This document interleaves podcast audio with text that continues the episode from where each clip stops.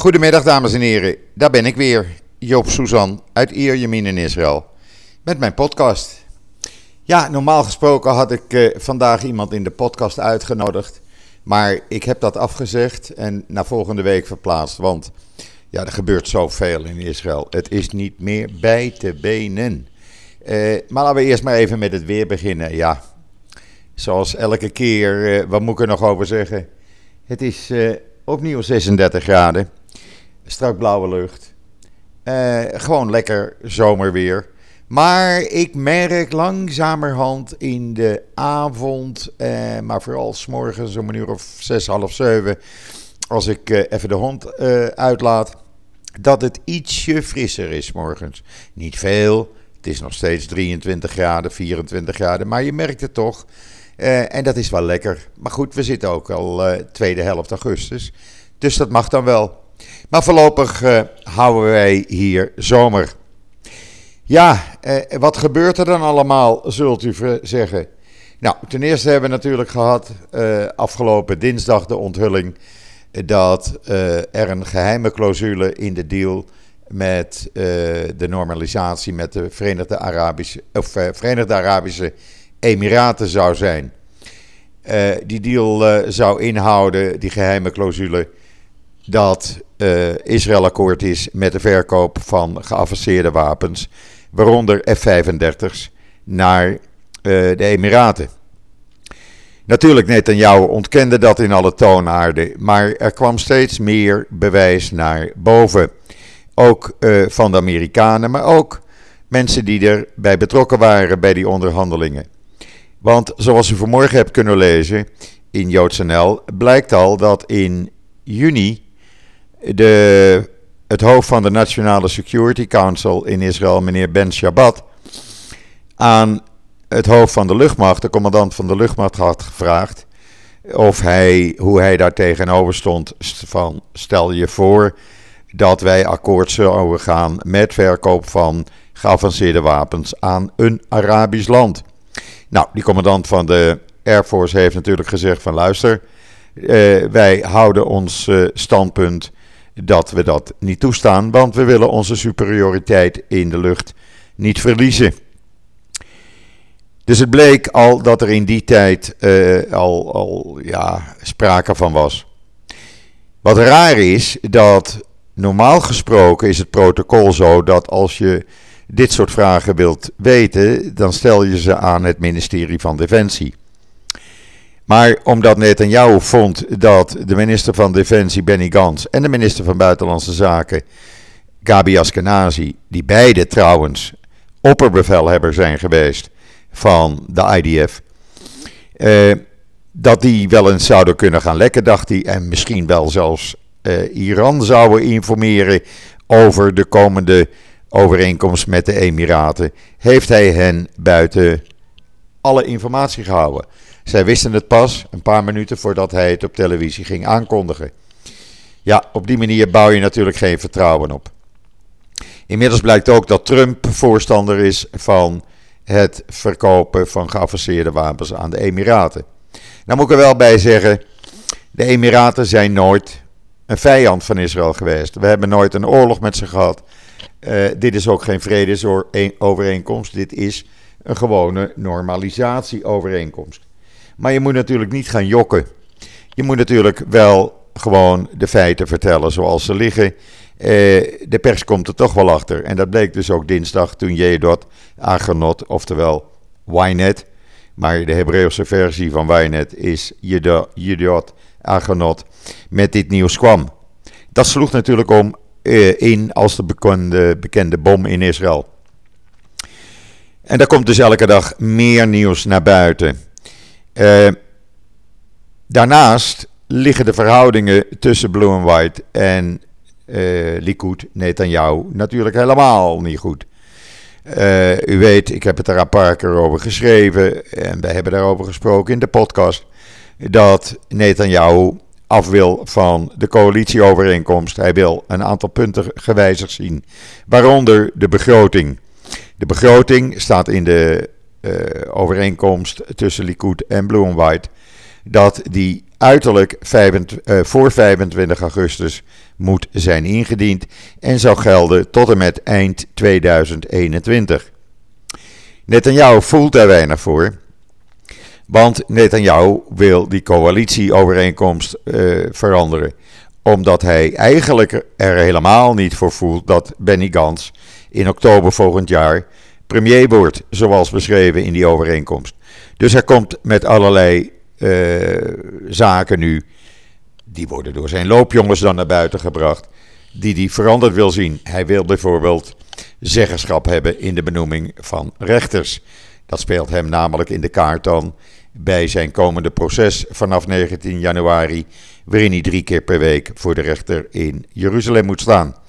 Hij wil ook uh, een vinger in de pap hebben bij de benoeming van uh, de juristen, uh, de procureur-generaals, allerlei andere juristen op het ministerie van Justitie, waarvan de procureur-generaal, de hoogste justitiële autoriteit in Israël, zegt van ho, wacht even, dat kan niet.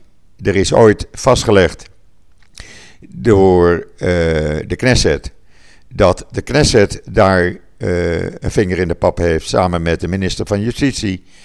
En het kan niet zo zijn dat jij iedereen opzij schuift en gaat bepalen wie de aanklagers worden, want daar heb je dan zelf weer voordeel aan voor je proces. Uh, wat is de situatie op dit moment, as we speak? De situatie is zo dat we dus uiterlijk maandagavond om middernacht een begroting moeten hebben. Hebben we die niet, dan wordt automatisch de Knesset ontbonden en zullen er half november verkiezingen plaatsvinden.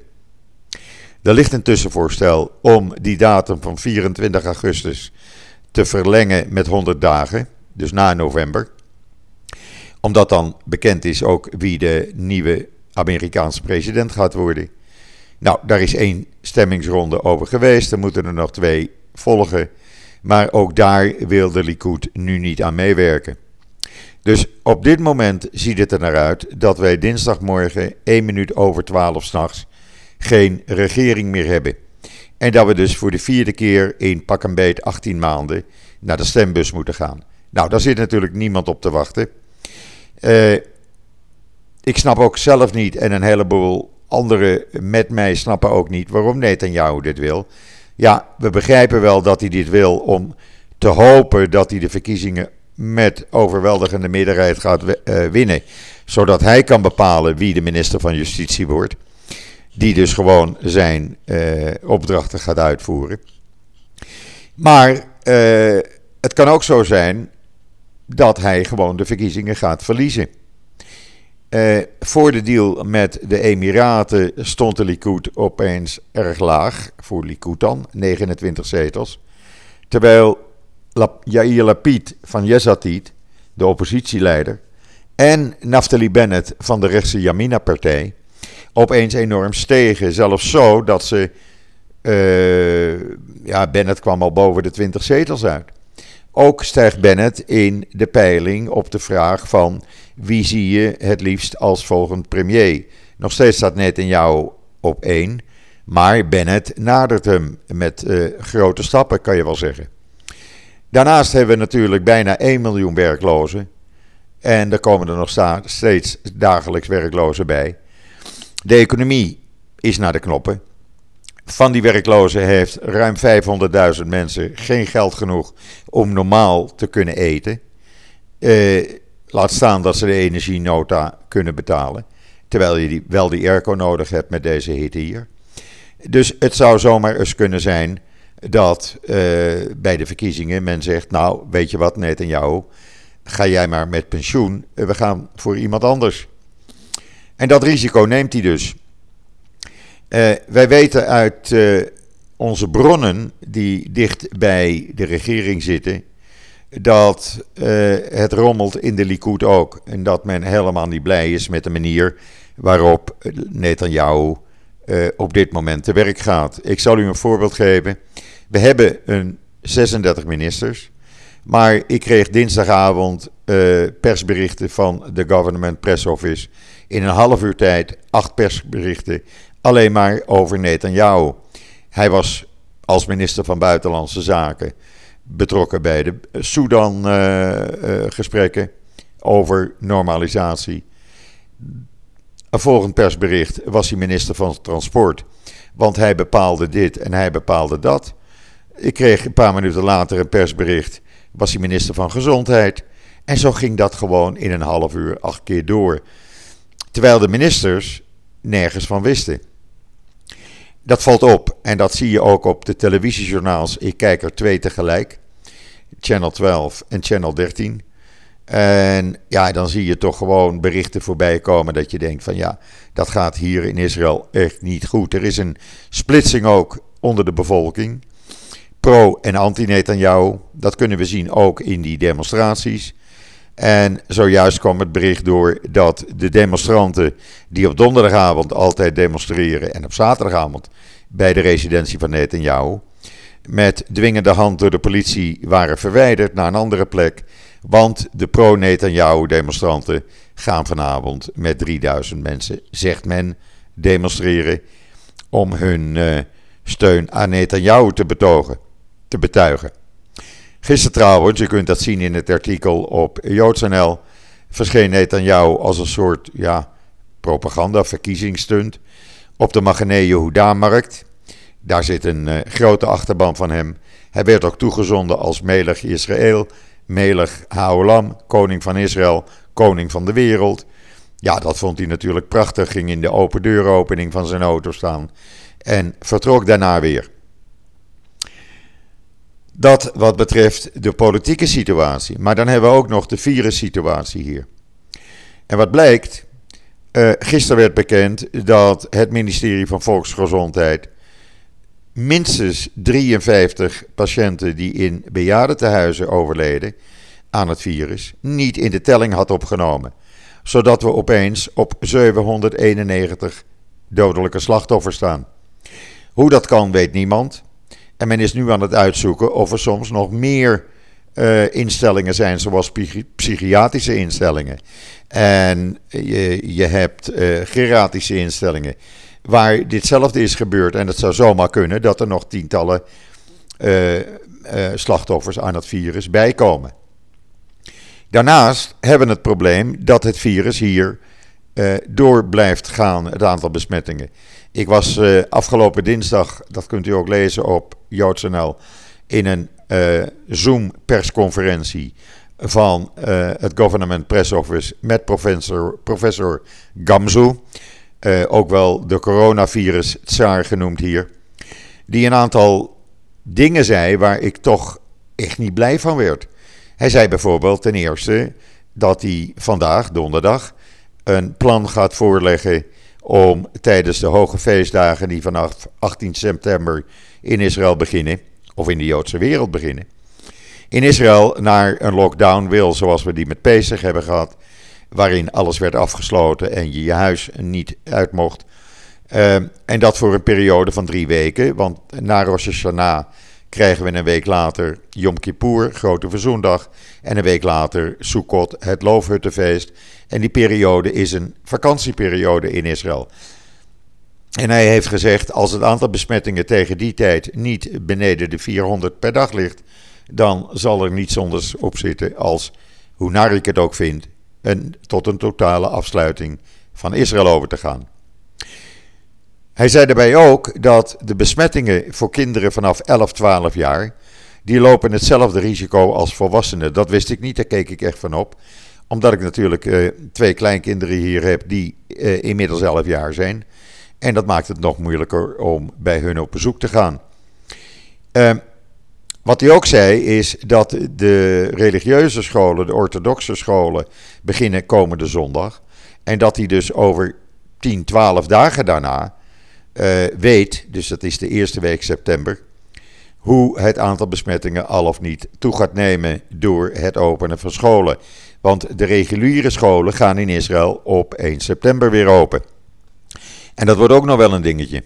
Want men heeft nu al gezegd dat kinderen vanaf 11 jaar die krijgen hoofdzakelijk thuisonderwijs via de computer. Kinderen die geen computer hebben doordat ze het niet kunnen betalen of hun ouders het niet kunnen betalen, krijgen financiële hulp van allerlei caritatieve organisaties, zodat ze toch een computer thuis hebben. Sorry, even een slokje water. En uh, kinderen onder de 11 jaar, die krijgen dan wel regulier les, maar in clusters, uh, kleine groepjes van zes kinderen. Uh, en die dus, uh, ja, dan mogen de ouders niet op het schoolplein komen. Die moeten de kinderen uit de auto maar dag zeggen. en dat wordt, ja, men is daar bang voor besmettingen. We zullen het zien. Het, de, de, tijd dat je weet dat iemand besmet is, ligt tussen de 10 en 14 dagen. Maar op dit moment zitten we hier nog dagelijks zo rond de 1600, 1700 besmettingen, nieuwe besmettingen per dag. En zijn er een kleine 24.000 mensen op dit moment actief besmet. Daarvan liggen er bijna 400 in ernstige toestand in het ziekenhuis. Er liggen bijna 900 mensen trouwens in het ziekenhuis. En er zitten zo'n 113 mensen aangesloten op beademingsapparatuur. De overgrote meerderheid van de besmettingen zijn trouwens jongeren rond de 20, 25 jaar en uit de ultra-orthodoxe gemeenschappen en de Arabische gemeenschappen. Dan zult u zeggen, ja, dat heeft natuurlijk met hun levenswijze te maken. Nou, enigszins is dat wel zo. Jongeren denken dat ze uh, immuun zijn. Uh, ultra-orthodoxe mensen die uh, leven te dicht op elkaar, houden zich niet aan de regels. En in de Arabische gemeenschappen hebben natuurlijk de feesten gehad twee weken geleden van El Had, Ein. En ja, daar komen families bij elkaar. Er zijn ook trouwerijen geweest. En er zijn allerlei besmettingen uit voortgekomen. En zo blijft dat uh, virus rondwoekeren, ondanks dat we dus nog steeds de grenzen gesloten hebben. Althans, Israëli's mogen naar drie landen toe. Er mogen 600 Israëli's per week naar Griekenland vertrekken, maar dan pas naar vier plaatsen. Niet door het hele land reizen. Athene, Thessaloniki, Kreta en Kos mogen ze naartoe. Men mag naar uh, uh, Dubrovnik en Split. En we mogen naar uh, Rwanda. Nou, wat ik in Rwanda mee moet doen, zou ik niet weten. Maar goed, dat is dan toegestaan. En er gaan inderdaad mensen, zag ik gisteravond op het journaal, vrolijk op vakantie. Nou, als ik zie hoe je in het vliegtuig wordt ontvangen. Uh, je komt in een futuristische wereld terecht, waarbij de stewardessen er niet meer lekker uitzien, laat ik het maar zo zeggen. Dat was toch altijd, uh, altijd leuk om uh, goed geklede, verzorgde stewardessen te zien. Nee hoor, ze lopen nu in witte overals, hun gezicht helemaal bedekt, met alleen hun ogen open, onbedekt. Handschoenen aan en zo helpen ze je. Het eten is voorverpakt. en ja, je moet een mondkapje op. Het is een heel gedoe. Dus voorlopig wachten we nog maar even. Wat wel leuk was trouwens vanmorgen, ik, kreeg, uh, ik ben een aantal mensen in de Emiraten gaan volgen. Mensen die gewoon tweets plaatsten hoe mooi ze het vonden dat uh, er diplomatieke banden aankomen met Israël. En toen schreef een van die mensen uit Dubai, wat zou het toch mooi zijn, het is bijna ondenkbaar dat we binnenkort van Dubai naar Tel Aviv kunnen vliegen. En toen zei uh, ik reageerde daarop met: wat zou het toch mooi zijn als uh, ik binnenkort van Tel Aviv naar Dubai kan vliegen met de, Emiraten. Ja, dat soort cor correspondentie krijg je dan. En dat vind ik leuk. Ik bedoel, niemand zit op oorlog te wachten. Iedereen wil toch vrede. En uh, ik weet uit de praktijk hier in Israël Tussen moslims, en joden gaat het allemaal prima. Ook Marokko trouwens heeft bekendgemaakt uh, diplomatieke met Israël aan te willen gaan. Dus ja, het zou zomaar een sneeuwbaleffect kunnen krijgen. Ja, en dan heb ik vandaag toch even een, eh, een, eh, moeilijke dag ook trouwens. Want mijn gabber Connie Mus, bij de meesten van u wel bekend als RTL-journalist, die is tien jaar geleden overleden plotseling aan een hartaanval. En we missen hem gewoon hier. Niet alleen ik, maar een groot gedeelte van de Nederlandse club. En waarom dan? Ja, Connie stond altijd voor iedereen klaar. Het was, was een echt Amsterdam schoffie. Nou, dat ben ik ook. Dat, uh, dat weet Erik de Vlieger ook. En ja, dan, uh, dan heb je het leuk met elkaar en dan ben je gabbers met elkaar. En die band die blijft altijd, ook al is je de tien jaar niet meer onder ons. Maar we missen hem gewoon. En eh, het eerste wat ik vanmorgen dacht van, Connie, wat had jij genoten van deze situatie waarin we nu zitten in Israël? Met aan de ene kant diplomatieke banden met Arabische landen die eraan zitten te komen. En aan de andere kant de politieke uh, malheur die, die we hebben in Israël. Je had je hart opgehaald.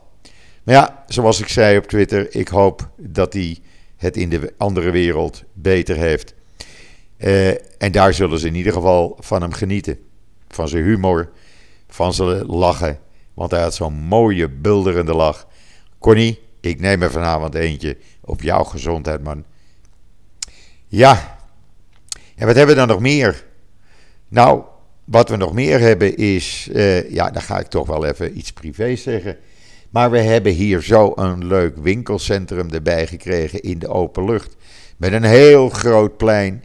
En ik raad u aan, bent u volgend jaar in Israël, kom naar Ierjemien bij Natanja. En ga dit zien, want dat is geweldig. Er zijn een aantal winkels open. Er is een ijssalon open met heerlijk ijs. En er is een echte slager gekomen. Nou, die staat gewoon met zijn hakmes het vlees voor je te snijden. Zo wil ik het, zo vind ik het lekker. En daar kan Joop gewoon van genieten. En mijn bakker, de artisanbakker, die, waar ik nu nog drie kilometer voor moet rijden, die komt lekker ook bij mij om de hoek in dat open winkelcentrum. En dan zult u zeggen, ja, maar het is toch overdag veel te heet? Ja, dat is het ook. Zomers wel, ja. Maar goed, eh, je doet dat niet zomers, dan leef je s'avonds ook in die hitte. En dan eh, is het prima te doen. En als ik nu eh, s'avonds daar langs loop, nou, dan er zitten gewoon honderden mensen. Want wat leuk is, ze hebben gewoon stoelen in de grond vastgemaakt, lichtbedden in de grond vastgemaakt. Er is muziek, er zijn optredens, kinderen kunnen van alles en nog wat doen. Uh, natuurlijk is er een McDonald's. Binnen één kilometer, één vierkante kilometer, hebben we nu drie McDonald's. Uh, maar het is zo levendig en iedereen heeft het naar zijn zin. Ondanks dat iedereen met mondkapje oploopt. Want het valt mij op dat hoe langer, hoe meer, bijna 100% van de mensen nu een mondkapje draagt. Alleen bij het strand nog niet, maar ja, dat doet Joop zelf ook niet. Want dan is het, uh, ja, hoe zal ik het zeggen? Er staat wind en het risico is uh, bekend dat het heel, heel laag is. Maar bij dat winkelcentrum dus wel in de open lucht. En dat is tien keer lekkerder als een overdekt winkelcentrum. Want ik ben al tijden niet in de mol bij mij om de hoek geweest. Want dat is mij te druk en daar loop je hutje naar mutje en daar heb ik even geen zin in. Ja, en voor de rest, voor de rest, wij wachten dus af wat er in de komende uren, de komende dagen gaat gebeuren eh, met de politieke situatie. We wachten af wat Hamas gaat doen, want ook daar zit het niet kosher. Hamas wil uh, een overeenkomst met Israël onder haar voorwaarden. Israël zegt: je bekijkt het maar. Stop maar eens eerst met die brandende ballonnen die honderden hectare grond, kostbare landbouwgrond in de fik steken. Stop maar eens eerst met je raketten, waar we, waar we van de week weer uh, uh, eentje hadden en een paar dagen daarvoor twee. Stop daar nou maar eens mee, want we zijn het zo langzamerhand spuurzat. Nou begrijp ik wel dat Benny Gans als minister van Defensie op dit moment gezien de politieke situatie uh, geen invasie kan doen. Maar van mij mag hij toch wel wat harder op die terror terroristen inslaan. Want het is gewoon ballonterreur. En dan zult u wel zeggen: ja, maar het zijn maar klusjesballonnen. Met wat brandende dingen eraan. En, en af en toe een handgranaat die ontploft. Ja, maar je zal hem maar net op je huis krijgen, die handgranaat, en hij ontploft. Of het zal maar in de speeltuin waar je kinderen zijn gebeuren. Dat wil je niet meemaken en dat hoop je ook nooit mee te maken. Dus daar moet gewoon een einde komen aan die terreur. En uh, ja, wat er, wat er dan de komende dagen gaat gebeuren. Nou, ik zou zeggen, hou JoodsNL in de gaten. Ik zal het in ieder geval blijven melden. En u volledig op de hoogte houden via JoodsNL. En als het uh, daartoe reden toe is, een extra podcast. Uh, dan zie ik tot mijn uh, verbazing alweer dat ik aan 25 minuten zit. Oh, het gaat die tijd toch snel. Maar goed, het is niet anders. Ik hou die 25 minuten aan. Rest mij dus een hele fijne voortzetting van deze donderdag, de 20 augustus, toe te wensen. U alvast een heel fijn weekend toe te wensen. Hou die afstand. Eh, en wat mij betreft wens ik u alvast Shabbat Shalom vanuit Israël. Uh, en ijs en wederdienende, nou ijs, zon en wederdienende. Hoop ik maandag weer bij u te zijn. Dus zeg ik tot ziens, tot maandag.